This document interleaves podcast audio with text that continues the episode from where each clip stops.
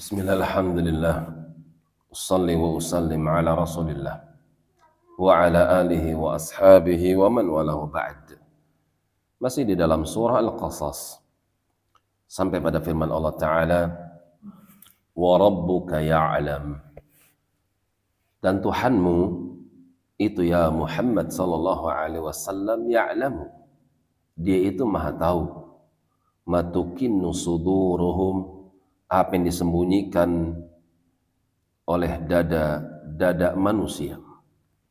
Hal-hal yang sifatnya rahasia. Hal-hal yang disembunyikan di dalam dada-dada manusia. Entah itu kebaikan entah itu keburukan. Allah lebih tahu.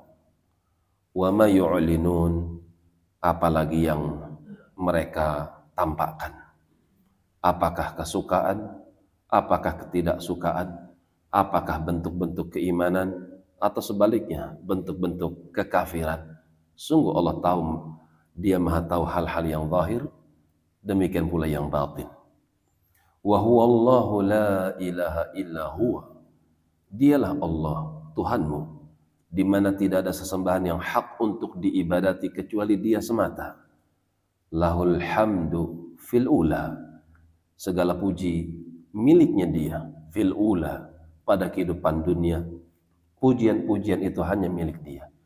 Wal akhirah terlebih pada hari kiamat di mana Allah Subhanahu wa taala tunjukkan kekuasaannya kerajaannya sehingga dia berfirman kepada para raja dunia secara khusus dan manusia secara umum limanil mulkul yaum. Ketika Allah kumpulkan manusia Allah berfirman sekarang milik siapakah kerajaan yang sesungguhnya? Maka la yatakallamun tidak ada satupun manusia yang berani angkat bicara. Maka Allah terangkan dia yang menjawab sendiri sebagai bentuk pemuliaan atas dirinya kebesaran atas dirinya. Lillahil wahid. Kerajaan mutlak itu milik yang wahid yang esa.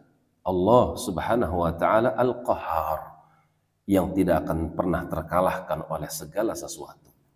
Walau alhamdu fil ula wal akhirah. Maka pujian milik Allah di dunia dan juga di akhirah.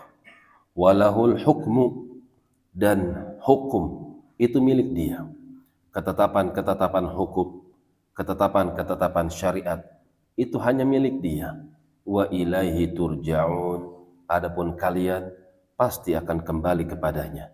Apakah kalian menerapkan hukumnya atau tidak maka sungguh Allah akan menanyakan hal tersebut.